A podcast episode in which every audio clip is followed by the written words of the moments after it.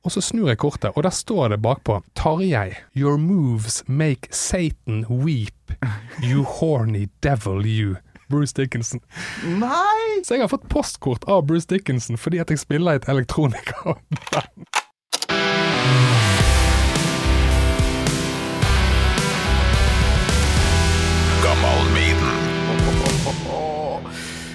Akkurat det jeg trengte nå i covid-19-tida. Savner jo kompisgjengen, så klart. og et møte mellom to likesinna 42 år gamle nostalgifrelste karer som vokste opp med He-Man, Commodore 64, OK-magasinet og Maiden.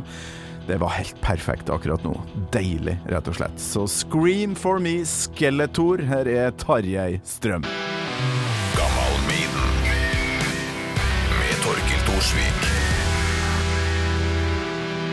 Tarjei Strøm, hjertelig velkommen til Gammal Maiden. Åh, tusen takk. Vet du hva, Dette her har jeg gledet meg til. Siden du sendte meg melding og spurte meg, så har jeg tenkt altså så mye på Maiden.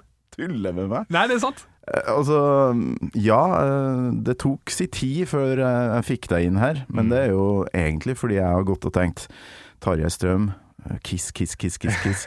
Senest i går hørte jeg at du sa på radio 'Jeg hører på Kiss daglig', sa Ja. du på hva er det, Lørdagsliv? I? Lørdagsliv på P1, ja. Der fikk vi lov å begynne med Crazy Nights, uh, P1-vennlig Kiss-låter.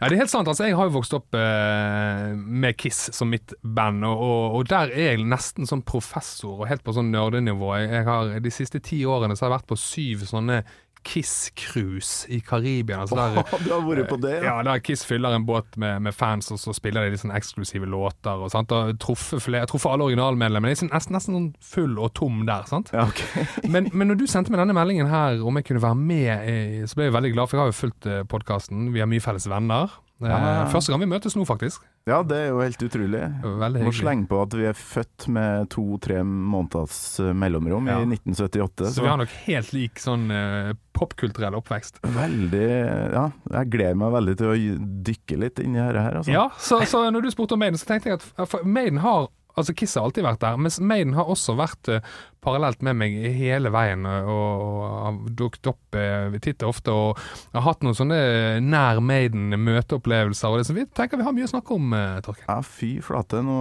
eh, var vi så ivrige at vi hoppa over det gode gamle 'Har du det bra', Tarjei Strøm? Du, jeg, eh, jeg har det kjempefint. Altså, jeg, jeg står i et eh, studio. Det står eh, rock med store bokstaver på veggen. Du står foran meg. Altså, kan ikke ha det bedre. Nå skal vi snakke om Maiden. Perfekt. Det her blir utrolig bra. Som sagt, Kiss, Kiss, Kiss, men noe av Maiden eh, må det jo ha vært inni, inni der en plass. Jeg kan jo rett og slett gå direkte på favorittspørsmålet mitt. Mm. Husker du første gangen du hørte ei Maiden-låt? Jeg vet ikke, Det husker jeg veldig veldig godt. Eh, Der er det en kjapp eh, forhistorie, bare for å få det ut av veien, dette med Kiss og, og sånt. Ja, Jeg, jeg vokste jo opp med, med Kiss som mitt første band. Altså, som, altså Mitt første Kiss-min er i sånn treårsalderen. Eh, Jeg en, eh, eller har en fetter som er seks år eldre enn meg. Jeg bodde på Stord utenfor Bergen. Ja. Og der var heavy rock stort. Eh, Så han fòret meg, han var stor Kiss-fan, fòret meg med alt dette gode. Ikke sant? Kiss og, og Mutley Crew og Wasp. Så når eh, i 85, da når jeg var da syv år og skulle begynne på, eller hadde begynt på skolen, eh, så skulle jeg da kjøpe min første plate. For egne penger. Og da hadde jeg, eh, hadde jeg fått plater sant? og kassetter med Twisted Sister, Kiss og alle, veldig sånn image-sterk rock. Og nå skulle jeg gå på en sånn bruktbutikk med min far da, i Bergen, og der hadde de en sånn egen heavy- heavy-avdeling. hadde egne penger, og så skulle jeg jo fast bestemt kjøpe en Kiss-plate. Mm. Men så kom jeg ned på denne butikken her og bladde litt i, og for de som husker eh, heavy-coveret på 80-tallet, så var det mye raft å se på på coverene. Men da så jeg debutplaten til Maiden. Ah. Eh, og så bare logoen og dette vanvittige bildet av Eddie foran. Og min fetter hadde aldri gitt meg noe Maiden, så dette ante jeg ingenting om. Okay. Men det som traff meg på dette coveret var så sterkt at eh, dette, denne kjøpte jeg da for 50 kroner, eller hva det nå var, ikke sant? Tok det med meg hjem. Og jeg husker jeg satt meg da eh, foran platespilleren i, i stuen da med min far og min mor hørte mye på musikk, så det var mye vinyl i, i huset. Jeg satt og øh, åpnet platespilleren, satt på den der. Og den begynner, er, det, er det Prowler den platen begynner med? Kanskje, jeg tror kanskje det er det. Ja, det stemmer. Og, og så er det en til der. Og de to første låtene altså de, de traff meg ikke helt. Det var litt sånn forvirrende. For det er jo altså Det er forholdsvis progressivt i forhold til alt det andre. Ja, ja. Uh, så jeg sitter der også Men, men coveret er så sterkt at jeg holder ut i to låter. Dette går greit. Og så kommer låt nummer tre, 'Running Free'. ja. Og da da bare klikker For da hører Altså den trommelyden Jeg hadde begynt å spille tromme allerede da som, som uh, ung gutt. Fått mine første trommestikker. Og den trommeintroen her. Altså den lyden der. ja. Skal vi høre på den Ja, lyden? ja, ja. Jeg tror faktisk jeg har den her.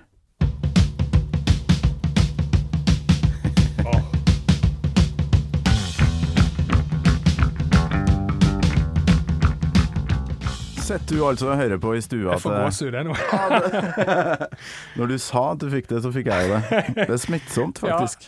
Nei, så så, så det, der skjønte jeg Men jeg kunne jo ikke engelsk, men jeg skjønte at det var en sånn anthem da, på lik linje med We're Not Gonna Take It. Og jeg husker han minnet meg veldig om uh, Harley Davidson med TNT. Litt sånn, Det var noe Ja, vilt. Du var på vei et sted. Det var noe sånn. Og så hadde jeg fått eh, mine første trommestikker. Vi bodde i en leilighet, så jeg hadde ikke trommesett på dette tidspunktet. Men skinnsofaen, 80-talls skinnsofaen til mine foreldre, da. Når man trommet på, eh, på den med trommestikkene, så var lyden identisk til Clive Burr sine trommer. Så jeg satt og trommet og trommet på den, eh, den introen. Så det er på en måte mitt eh, første egetkjøpte rockeøyeblikk. Så, så det står jo mye sterkere enn noe som er et sånn tidlig Kiss-øyeblikk, for det er liksom vanskelig å huske. Ja, ok. Så, så Maiden er på en måte Da, da er det altså Da våkner rockedyret i en syv år gammel gutt. da. Ja, Nå skjønner jeg hvorfor det første meldinga jeg sendte, så bare er sånn Ja, det er jeg med på! Ja, ja, ja, ja. For det, du er jo Du har jo da samme opplevelser som meg, egentlig. Første kassetten min, sånn egenkjøpt, var The Number of the Beast. Så hvor gammel var du? Da var jeg syv, syv år. Eh, kjøpte så Jeg hadde jo eh, både kassetter og rockeplater før dette.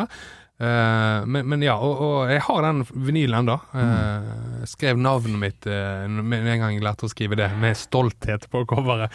og, jeg satt, og det er viktig hvis du ser for deg det coveret, det er ganske sterkt, de fargene og det det er kanskje ja. vi som opplevde 80-tallet og hørte musikk på den måten her. Altså, når du hører 'Running Free' der, så passer det så godt med fargen og alt på coveret. Du får en sånn feeling. Ja, de herre Jeg vet ikke hvorfor, men de herre gule gatelysene Ja. som slenger det gule skjæret over hele både den og Killers Veldig. eh, Det var et eller annet der En som bare det er sant? Så nydelig palett, da.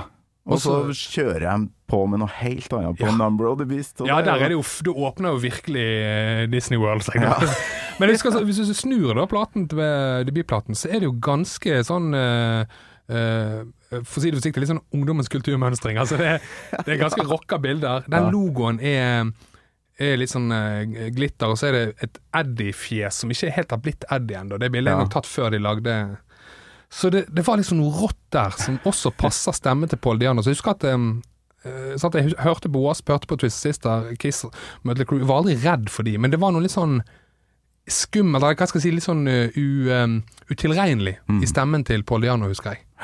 En sånn villskap som, eh, som traff meg. Da. Så det er veldig, veldig spesielt forhold til den uh, platen her. Ja, Altså. fy flate. Nå sto jeg og liksom sjekka om opptaket var i gang her i stad.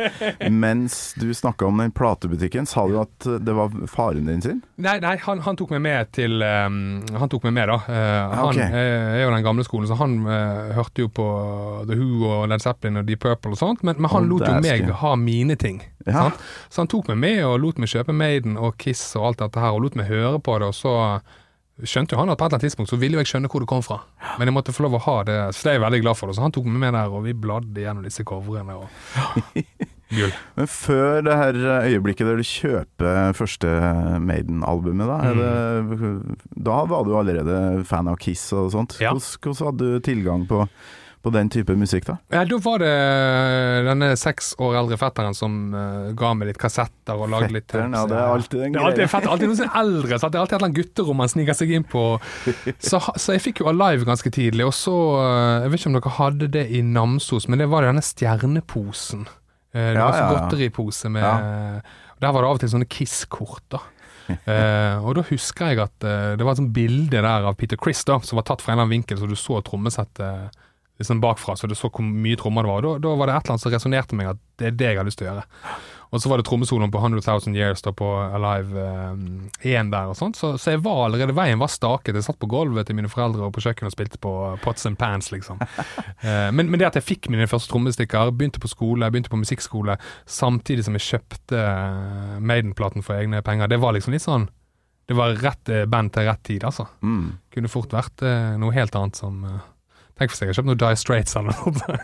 Nei, altså Det var jo det jeg vokste opp med i, i kjerra til fattern. Ja, samme her, samme her. Det var Die Straits, Brothers in Arms på Ja, ja. repeat, og det var litt Springsteen og. Dr. Hook. Ja, ja. Traveling Wilburys hadde vi en sterk periode med Tom Petty og sånt, husker jeg. Men, Ja, ja. Så eh, Nei, det var viktig å ha den egne musikken som man bare kunne ta på eh, Walkman eller da platespilleren når man fikk lov. Og, så hadde brutter'n eh, av og til den derre stjerneposen, og det, det har bare fordufta fra hjernen min, tror jeg. For når dere starta programmet Stjernepose, Ja, så tenkte jeg sånn Stjernepose? Hva slags navn er det på et eh, så bra program som handler om de riktige tingene? rart navn. Eh, og så demra det vel eh, etter ei stund, da. Ja. men det, det derre kortene som var Det er jo kanskje første opplevelsen min av noe som er så visuelt vakkert Ja, som du kan få det. Det er Kiss-kortene Ja.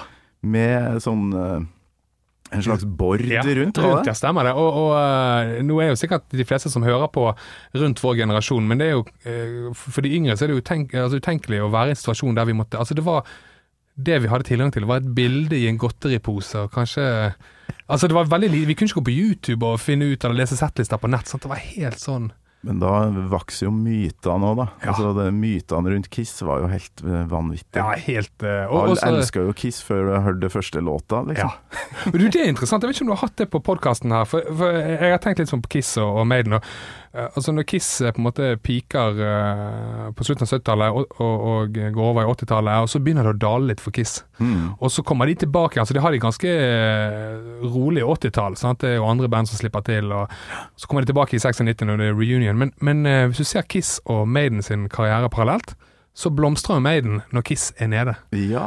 Og, og når Kiss da spiller i eh, Drammenshallen her i 1980, uh, Unmasked-turneen, så er det jo Maiden som varmer opp med Podiano. ja. Og da har jeg hørt uh, altså Det må du se om du får tak i noen gjester som har vært på den konserten. For det, da var jo Maiden nesten som litt sånn her Det var new wave of British heavy metal, men litt sånn punk. De tiltrakk seg punkpublikum òg, da. Mm. Så det går, det går sånn rykter om at uh, første rad under Maiden, uh, det var jo da Oslo-punkere. Ah, Som banket opp altså, Kiss-fansen som sto med liksom tyggegummien sin og, og stjerneposen. Altså, det var sånn, at det var mye Det var helt sånn clinch i, Ja, i jeg har hatt opptil flere gjester innom som var der, Ja. men uh, akkurat den detaljen der vet jeg ikke om jeg husker Nei. at noen har sagt, altså. Men de var Og så har du da i sant, Og så går jo 80-tallet sin gang, og så i 87 Ja. er det vel da, når Kiss eh, er ute med Crazy Nights, så er vel eh, Maiden aktuell med Seven Son, og da er det Maiden som er headliner Donington. Ja, Og Kiss er ganske langt nede på stemmer bildet. det. Så, Men så bytter det litt etter hvert, for Ja, det gjør eh, det. Kiss eh, tar vel noen grep, og så, og så kommer 90-tallet, som Ja, var ganske spesielt for, For eh, for veldig mange. Ja. ja. For oss som uh, likte den type musikk. ble revet mellom sjangre. Hvor, eh, hvor var du da?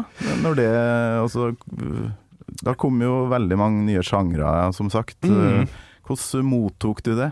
Ja, det er, det er interessant, for jeg var jo eh, allerede da godt i gang med musikken da, som trommis. Så var jeg, og jeg hadde foreldre som som sagt, min far hørte mye på rock, min mor var eh, mye jazz og disse tingene her. Sånn, så jeg var, hadde allerede ganske sånn brei palett, selv om rocken var hjertenærmest. da. Så jeg var jo ganske åpen for, for det som skjedde med, med grunchen og sånt, og samtidig som jeg så hva som skjedde med mine favorittband, ikke sant. Ja. Eh, men så husker jeg altså på mitt Altså, når er det Bruce går ut, da? Det er i ja, det var i 93, etter Ja. en eh, TV-opptreden med et magikershow. Ja, ja, åh, husker det så godt. Og det, det kan vi snakke mer om, for den, det, den visuelt sterke biten med den har jo betydd mye for meg. Så den, den husker jeg så veldig altså, den, Det var sterkt, altså. Ja. Men, men på den tiden så da abonnerte jeg på eller iallfall kjøpte Kerrang og Metal Hammer og sånt for å følge med på den nye musikken. da. Mm. Og da, så, så da husker jeg jeg fikk veldig mye av uh, Blaze Bailey-era Maiden i, rett i postkassen. Altså alt som skjedde rundt det og sånt. Så uh, Men kjekt å se at de kom seg på beina igjen. Ja, det var jo heldigvis annen musikk å høre på i akkurat den perioden. Men uh, jeg husker jo Ralph Myers, det eksploderte jo ganske heftig. og deg da, som trommis, plutselig var du faen meg overalt. Og etter hvert Black Diamond Brigade, Ja, ja. Der du faen meg spiller med Bill Gold. Ja. Fate No More er jo et av mine ja, det er kanskje det bandet jeg har hørt like mye på som Maiden. ja. Nei, det er helt sykt. Eh, ja, det er sjukt. Hvordan havna du da i begge de leirene her, på et vis? For uh, første møte med deg da, på skjermen og via uh, CD-spilleren var jo Ralph Myers. Mm. Hvordan havna du inn i det, den uh, sjangeren? Nei, altså, Bergen er jo en, en liten musikkby, så, så på en måte alle sjangrene liksom smeltet litt sammen. Altså, vi, vi- jeg har alltid vært kompis med black metal-folk, rappere, hiphop og alt mulig. ikke sant? Og, og når elektronikamiljøet begynte å blomstre på slutten av 90-tallet, så var det mange folk som var gode på PC og DJ-ing, og sånt, men de hadde ikke så mye musikere. Nei. Så da havnet jeg i, eh, sammen med han DJ-en eh, Ralf Meyers, da, og så tok jeg med Thomas da på perkusjon. Som også var, Vi gikk på skole sammen, og begge bare elsket hardrock. Altså. Så vi tok det med oss inn. altså Vi spilte jo musikken, var jo ren elektronika, og, men, men selve showet var jo tungt inspirert av eh, det vi vokste opp med. ikke sant? Så, vi, så det var nok den miksen som gjorde at uh, vi slapp til så mye som vi gjorde. da. Og um, Så var det instrumentalmusikk, uh, ikke sant? så vi måtte ha noen som kunne snakke mellom låtene, og det ble jo meg. ikke sant? Så, så, uh, så Og, og det, det er litt interessant, for um, Vi holdt jo på en del år der, og i 2005 da spilte vi Reading Leeds-festival med Ralf Majas. da. Denne det er greit å ha sjekka av i, i boka. Ja, helt, helt vilt. Og vi spilte jo selvfølgelig for, for vårt publikum og elektronika og sånt, men, men disse headlinene eh, våre dager, det var jo Maiden. Mm. Så da, for det første så kunne jeg da bevege meg, altså backstagen på Reading Leeds er sånn åpen. Ok. Alle har liksom sånn trailere som de holder i, men alle spiser på samme catering og sånn. Så, Ah, så da gikk jeg altså rundt Steve Harris og Jenny Gears. Oh. jeg husker det gikk liksom i, i uh, Steve Harris hadde bare sånn fotballjersey og joggebukse over den, godt oppunder magen, og sokker og sandaler. Det var fullt sånn uh, mytedrap, ikke sant. Men jeg gikk rundt der, det var, det var så tilgjengelig, ikke sant.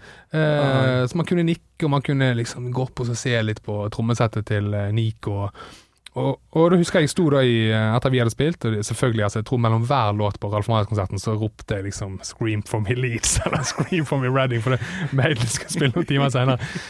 Men jeg husker bare stå i publikum der da når eh, Maiden begynner første eh, ekstranummeret da, med 'Running Free'. ja. Og da var vi liksom full circle, sant? Det var den låten Ja, som hadde, og nå spiller jeg for meg festival med uh, Men det tok med en annen, annen artig Ralf Marius-ting, for vi, vi var jo uh, populære i BBC sitt sånn eh, ja, eh, eller alternative radiomiljø, da. Mm. Og der hadde vi en sånn radiopresentatør, en, dame som som jobbet der, og hadde eget program og var høyt oppe i, i kanalen der, så hun var stor fan av oss, og visste jo at vi var sånn heavy rockere, så hun tok alltid med liksom promoting til oss og sånt.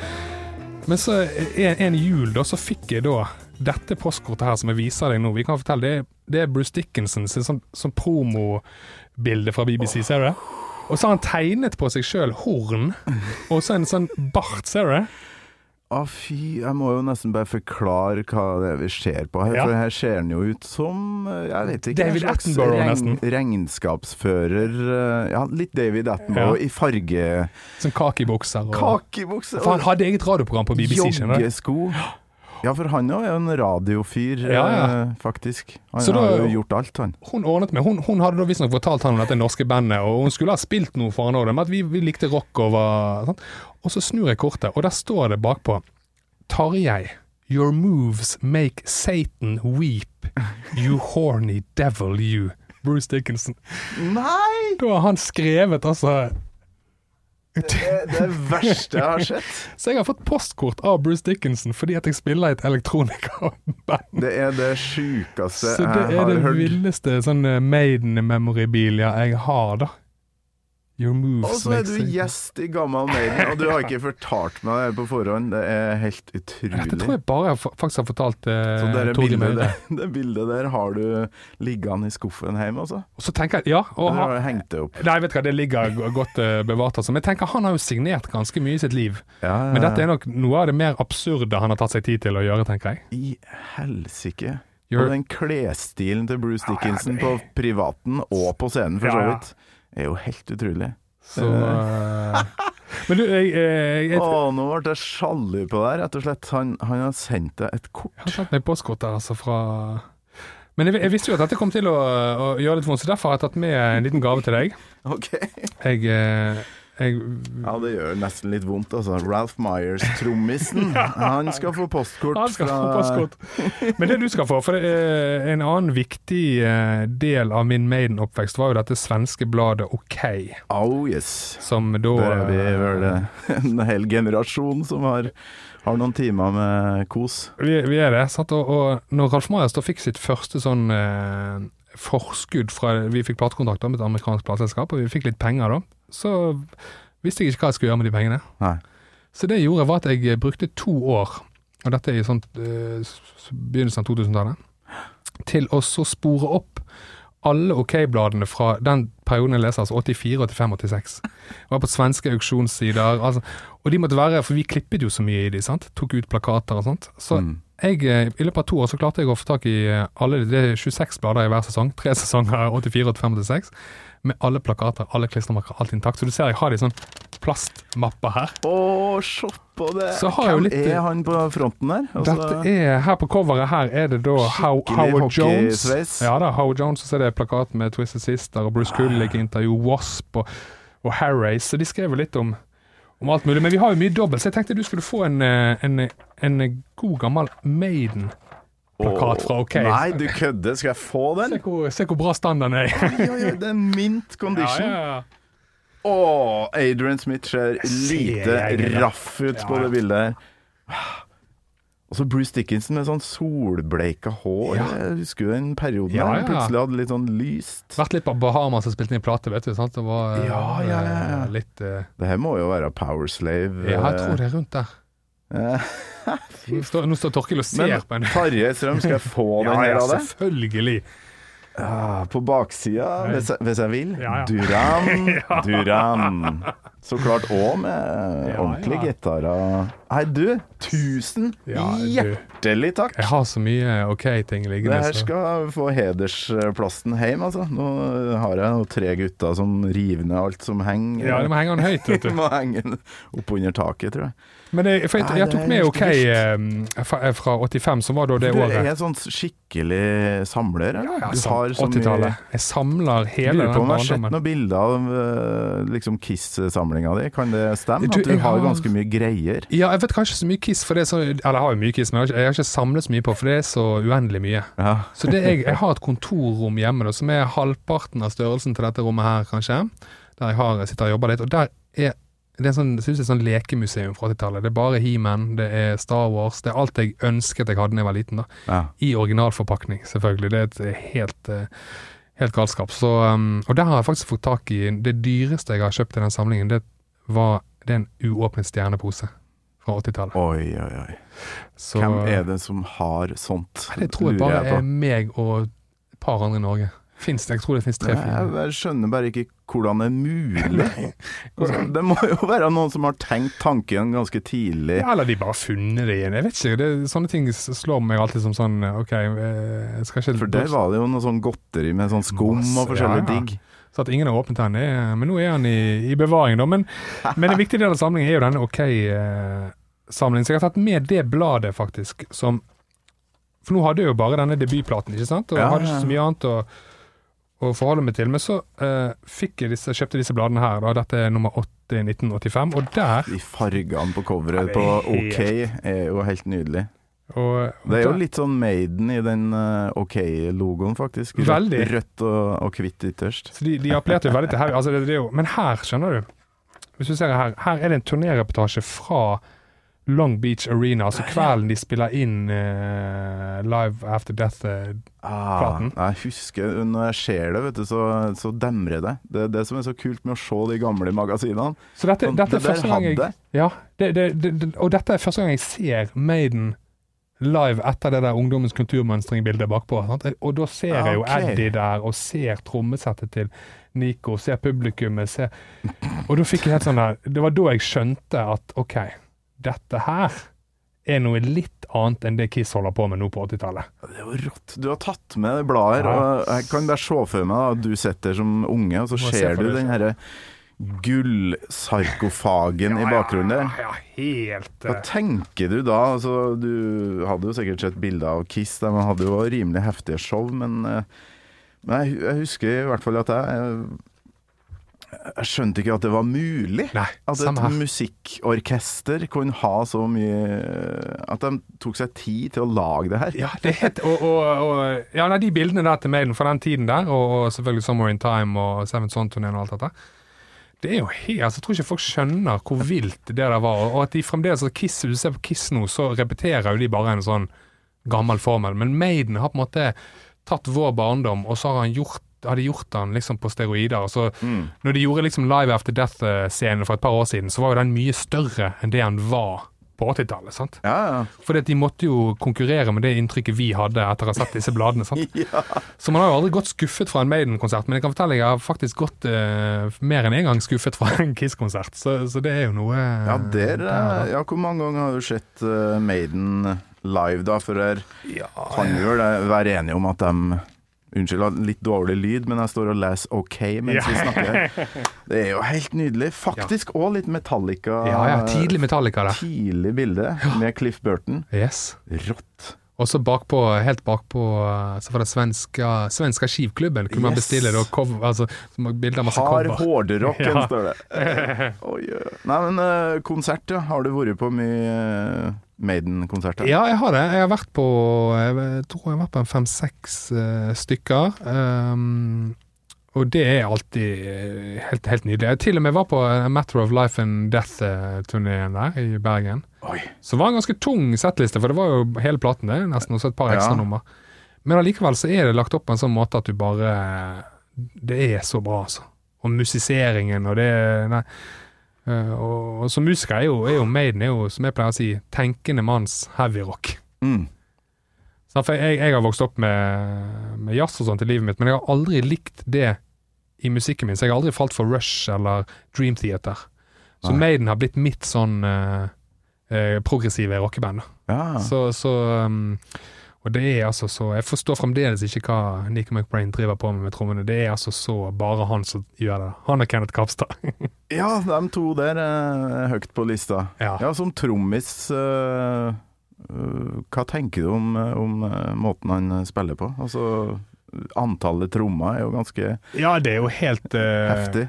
Helt heftig. Og, og han er jo uh, Han har en helt egen touch og en helt egen driv, og samspillet mellom han og Steve Harris er helt sånn unikt. Og det skjønte jeg ikke før. Jeg spilte i et sånn coverband på, på starten av 2000-tallet, heavy coverband i Bergen, og med folk fra ja, Enslaved og Gorgoroth og Sag og Drew Horn og sånt. Og da covret vi jo et par Maiden-låter, og da, når jeg liksom som sånn god, utlært trommis skulle bryne meg på meg Altså For all annen hardrock er så intuitivt, sant. Mm. Holy Diver 2 og 4, Looks It Kill, det er bare rett på.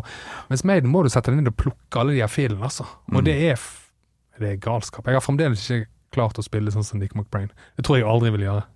Ok, det er utrolig artig å høre. Sånn, din opplevelse av å spille Maiden Ja. øh, etter at du har lært deg å spille trommer. Ja. For det er jo utrolig mange av gjestene mine som er trommiser, og kanskje har begynt der. Mm. Ja.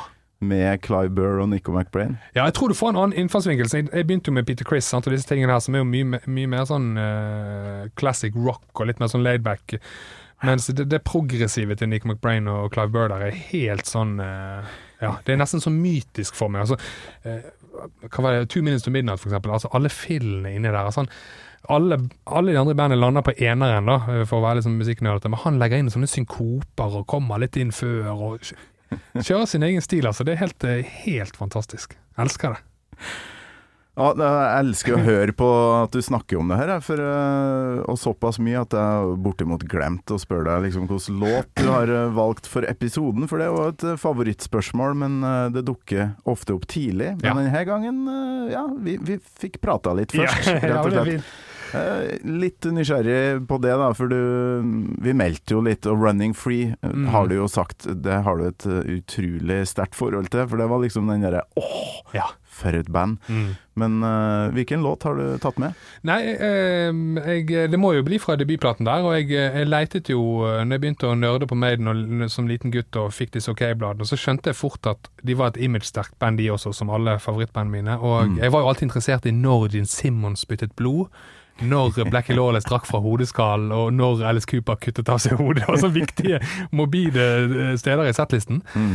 Eh, sånn at jeg kunne visualisere den jeg hørte God of Thunder og I Love The Dead med Alice Cooper og sånn. Men Maiden sin sånn låt er jo denne Iron Maiden-låten. Det er da Eddie, store Eddie, dukker opp. Ja, ja, ja. Eh, så det ble en viktig låt for meg, eh, rett og slett. For da skjønte jeg at da skjedde det ting i settet. Vi kan jo starte med, en, med starten. Skal vi gjøre det? Ja.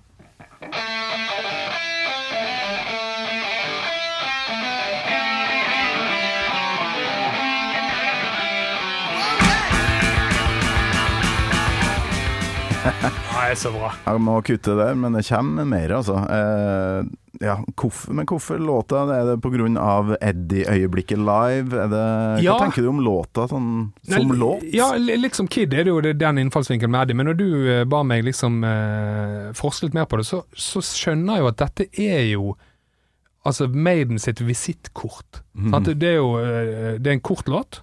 Eh, den- er, begynner med disse gitar, dette gitarriffet du hører.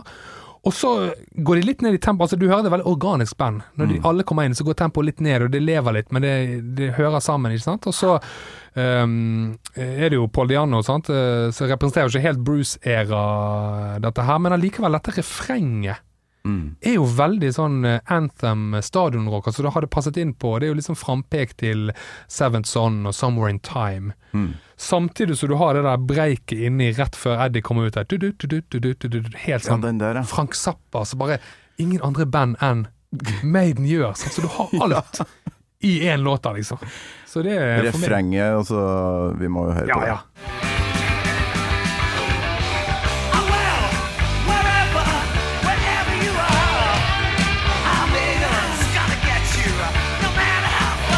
Ja, det er så bra. Og så den bassinga til Steve Harris her. Og så er det jo, apropos visittkort til Maiden Ja, det, det er rett fram. Men apropos sånn eh, kjennetegn og alt i Maiden i én låt. Altså Det er så erkebritisk at denne onde låten med dette powerfulle allsangrefrenget begynner med tekstlinjen Oh well. altså Det blir ikke mer Monty Python enn det, men det funker jo. Oh well, wherever, ja. wherever you are, Iron Maiden's Ja, gonna get, get you. ja. Det er en ganske blodig tekst. Det det. Ett vers som blir gjentatt tre ganger og sånt. Ja. Det, Litt sånn Sado-stemning, og så ja, kom inn i rommet, jeg skal gi, vise deg varene mine. Ja, ja, rett og slett. Og så er det jo Det er noe med band Det tror jeg ikke Kiss eh, eller Mutley Crew eller Wasp Altså, du har eh, en låt som er bandnavnet. Det er jævlig Nei. fett, altså.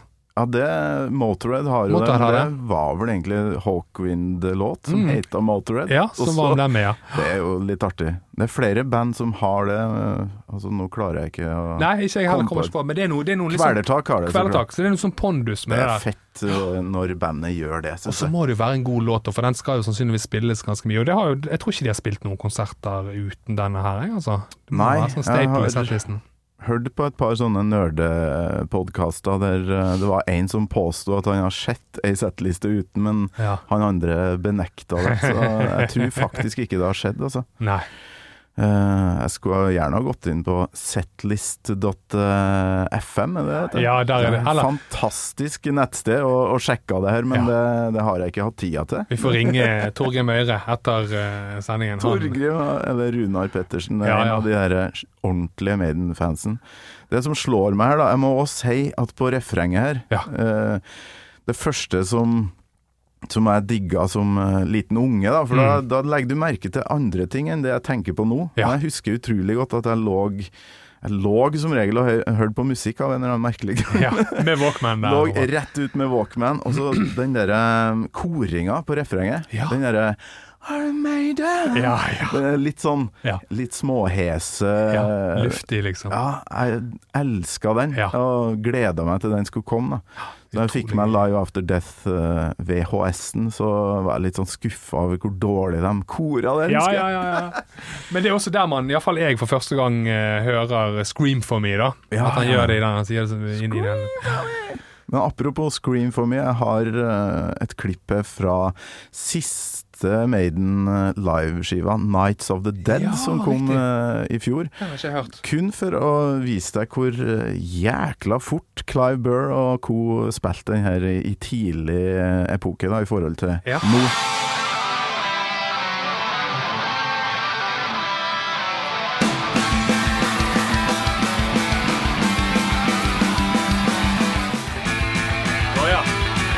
Ha ha ha ha! Ja, det er jo helt annet der. Ja. Men sånn har det egentlig alltid vært. Det går vel litt fortere eh, i 1981, men allerede på Live After Death så, så begynner det å gå ganske sakte. Ja. ja, de har en sånn eh, Altså, det er noe med Maiden i den æraen der, da. Som uh, Altså uten sammenligning, men det er sånn som hvis du hører f.eks. på Police i samme perioden, uh, med Sting og Stuart Copeland og gjengen der, så er det veldig sånn Det er bare tog, det skal bare i mål. Altså, det skal bare framover. Ja, ja, ja. uh, og det, apropos nær Maiden-øyeblikk, som jeg nevnte tidligere. Jeg, eh, på en av mine turer til London med Ralf da på midten av 2000-tallet, så bodde vi alltid i Camden når vi, eh, når vi var der i noen uker. da. Mm. Skulle gjøre ting, og da så jeg Paul Diano. I sånn, oh. Som nesten en slags sånn uteligger utenfor Camden uh, Tube Station. da. Han var nok ikke uteligger, men du skjønner, han, han hang nå med den gjengen der, og det var nesten sånn flaske i uh, brun pose. og... Nei, dæsken. Bare sånn rent tilfeldig. Helt tilfeldig. Og jeg fikk helt sånn, jeg ble så perpleks at jeg um, Jeg tørde liksom ikke å gjøre noe med det. For han, altså, han så jo helt sånn Hells Angels ut i Uh, Men ikke sånn at jeg, eh, at jeg syntes synd på ham, men det var noe med å se han sånn uh, Altså, han er like ekte eller Han var like ekte da som han var på debuten, da. Altså, Ja, ja, ja. Det, var den utilregneligheten jeg kjente igjen fra barndommen. Så, Ja. så det var tilfeldig Pål Diano-møte på gaten i Camden. Jøss, det er jo rimelig spesielt, altså. Ja. Ah, du, jeg har kløpt ut noe som bare heter bassolo her. Jeg vet Ja, ja, ikke hvorfor jeg har kløpt det ut, men skal vi bare høre på den? Ja.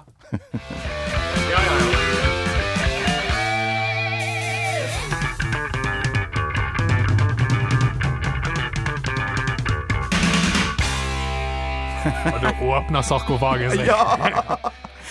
På Live After Death, den derre sarkofagreia. Altså, det var altså av en annen verden Ja. uh, at det var mulig å lage det. Altså, Helt sykt. jeg la jo ikke merke til at det var sånne stålstrenger som hang, eh, at det var enkel teknologi det her, men eh, for meg så var det helt sånn Går det an? Ja, helt, og, og, den, og det har jo vært viktig for meg, og eh, det gjorde at Maiden passet så godt inn i paletten jeg var så opptatt av. Eh, Den, den sterke visuelle framtoningen på scenen. da. Mm. og de forskjellige Eddiene. Hvis du ser på Eddie da, som du sier på Live After Death, og Wire, og, så er det allikevel Hva skal jeg si Det er en Eddie i fast fysisk form. Mm. I de konsertene vi har sett i seinere tid, så er det jo mye sånn oppblåsbart og sant. Men altså, de hadde jo faktisk en sånn mumie som de måtte sette sammen med armer og Ja, ja, ja. Så det er ganske imponerende Det er ikke så mye Altså. luft inne i bildet Nei, der eh, på den der, altså. Rein mumie. Nei, og, og, og selvfølgelig selve Eddie som kom ut på de forskjellige låtene. Da.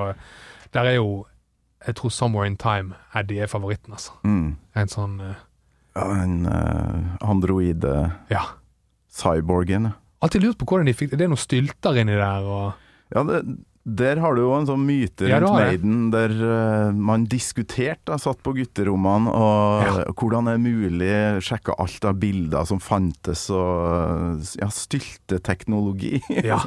og så var det alltid noen som påstod at de hadde liksom fasit, ikke sant, og så Mm. var det jo ikke det. Det var Nei, det- mye jeg- law rundt Maiden, sånn Ja. sett. Og det tror jeg fremdeles er litt sånn uklart. Jeg så um, eh, altså Back in the day så var det jo Ville tro det var noen stylter, og, men likevel så er det ganske det, Han danser rundt der og bøyer seg, det skal være en god fyr, så Ja, den der eh, har jeg aldri skjønt greia med. Han beveger seg så fort. Han Jeg gjør det. Og spiller gitar.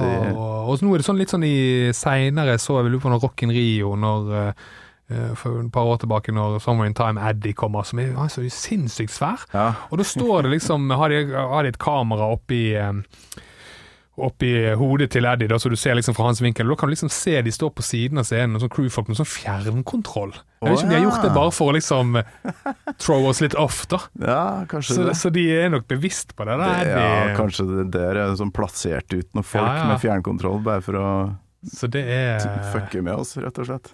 Nei, jeg elsker det. Jeg elsker det, altså. Men en ting som jeg alltid har lurt på med Maiden, og, og eh, jeg har alltid vært litt sånn tiltrukket, eller dratt mot litt sånn det mobile da, med, med, med, med Wasp og Kiss og alle blodgreiene og sånn. Men jeg husker at jeg leste et sted at Derek Riggs eh, da eh, sitt eh, opphav til Eddie var et sånt et hod, avkappet hode på et sånt eh, fra et eller annet krigsbilde.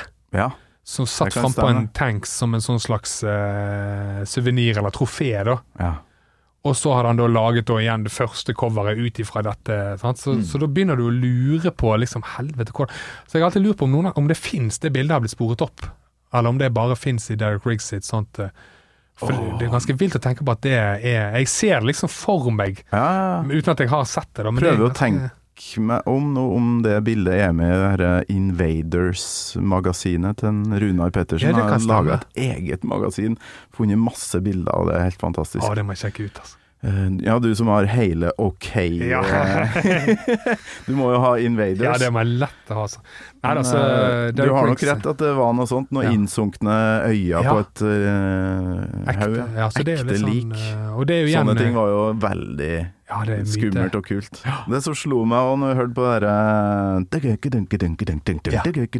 At han tillater seg å være litt barnslig i spillestilen, da. Veldig. Vanskelig å forklare for folk som ikke er trommiser og sånt, men men det er nesten, altså Nico McBrain spesielt, og selvfølgelig også Clive Burr som lager grunnlaget, altså det er nesten som de spiller på altså en slags eh, Altså det er et instrumenttilnærming, mer som et piano nærmest. sant? For det er så mange tammer, det er så forskjellige toner i de, Ja. og de, spiller da også et riff sammen med Steve Harris, da. Det er trommer og bassenger mye sammen her. Så det er sånn eh, Ja, det, det er alltid eh, interessert med det hvor eh, mye plass trommisen har fått i Maiden, og, Mm. og hvor viktig trommisen er. For har altså Clive Burr og Nick McBrain, altså du kunne ikke satt vekk Nico nå og tatt inn en annen trommis.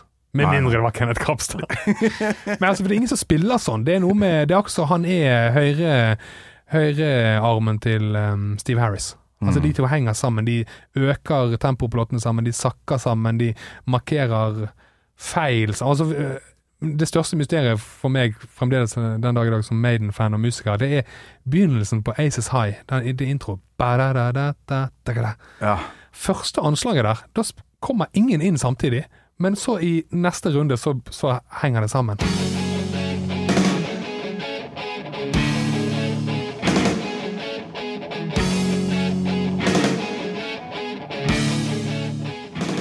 Det har jeg alltid tenkt at faen, det er jo helt ute, men allikevel, det bare funker. så, så sånne ting som det, og du hører på begynnelsen på, på Iron Maiden-låten som jeg valgte meg, da begynner riffet ganske hissig. Mm.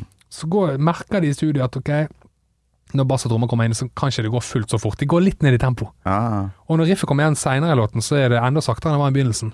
Men det bare funker, ikke sant. Det funker. Det er, helt, eh, det er bare Maiden som kan gjøre det. der, Ja, Altså. det er vitenskap uh, der. Og jeg får nesten gåsehud av å høre at noen snakker sånn om, uh, om uh, det her herlige bandet. Ja, Han blir jo litt lei da, av å møte folk som, eh, som tror, da, uten å ha hørt så veldig mye tydeligvis på Maiden, at eh, nei, det der er sånn eh, såkalt slottsheavy, synger Mm. bare om drager og sånt. Ja. Uh, og så har han bare lagt lokk på det der. Ja. Og så, fy faen, så mye de har gått glipp av! ja, ja og, og Maiden er altså Og hele den um Altså hele utviklinga, nesten satt på spissen at de begynner som et punkband, og så tar de det videre, og de går liksom Og de er på ballen hele tiden. Igjen, altså hvis du sammenligner Kiss og ehm, Maiden sin karriere på 80-tallet, så er Kiss sin karriere Det handler bare om å prøve å følge trender, ikke sant? Mm. Prøve å høres ut som Bon Jovi litt for seint, prøve å sant? Så de, de rekker aldri med. Mens Maiden er helt tiden progressiv. Og, Mm. og, og jeg hørte jo når du spilte det jo uh, i en tidligere episode, når, når Bruce Dickinson bare You can't play heavy metal with synthesizers. Ja, og så bare neste plate, så bare setter de en ny standard. Ja. Ikke sant? Og det um, Så Maiden har alltid vært eh, trendsetter og veldig frampå, da. Um, så det er mange som går glipp av akkurat det der, hvis du ikke tar deg tid til å forske litt på karrieren deres. For der er det altså Det er noe for enhver smak, vil jeg påstå. Altså. Så- vi må rappe Maiden-låta her. Avslutninga, rett og slett. Ja, ja, ja.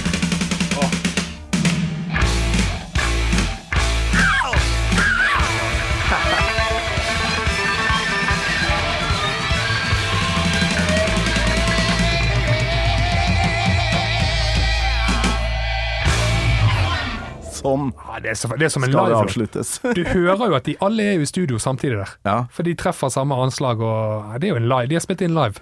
Helt fantastisk. ja, nydelig.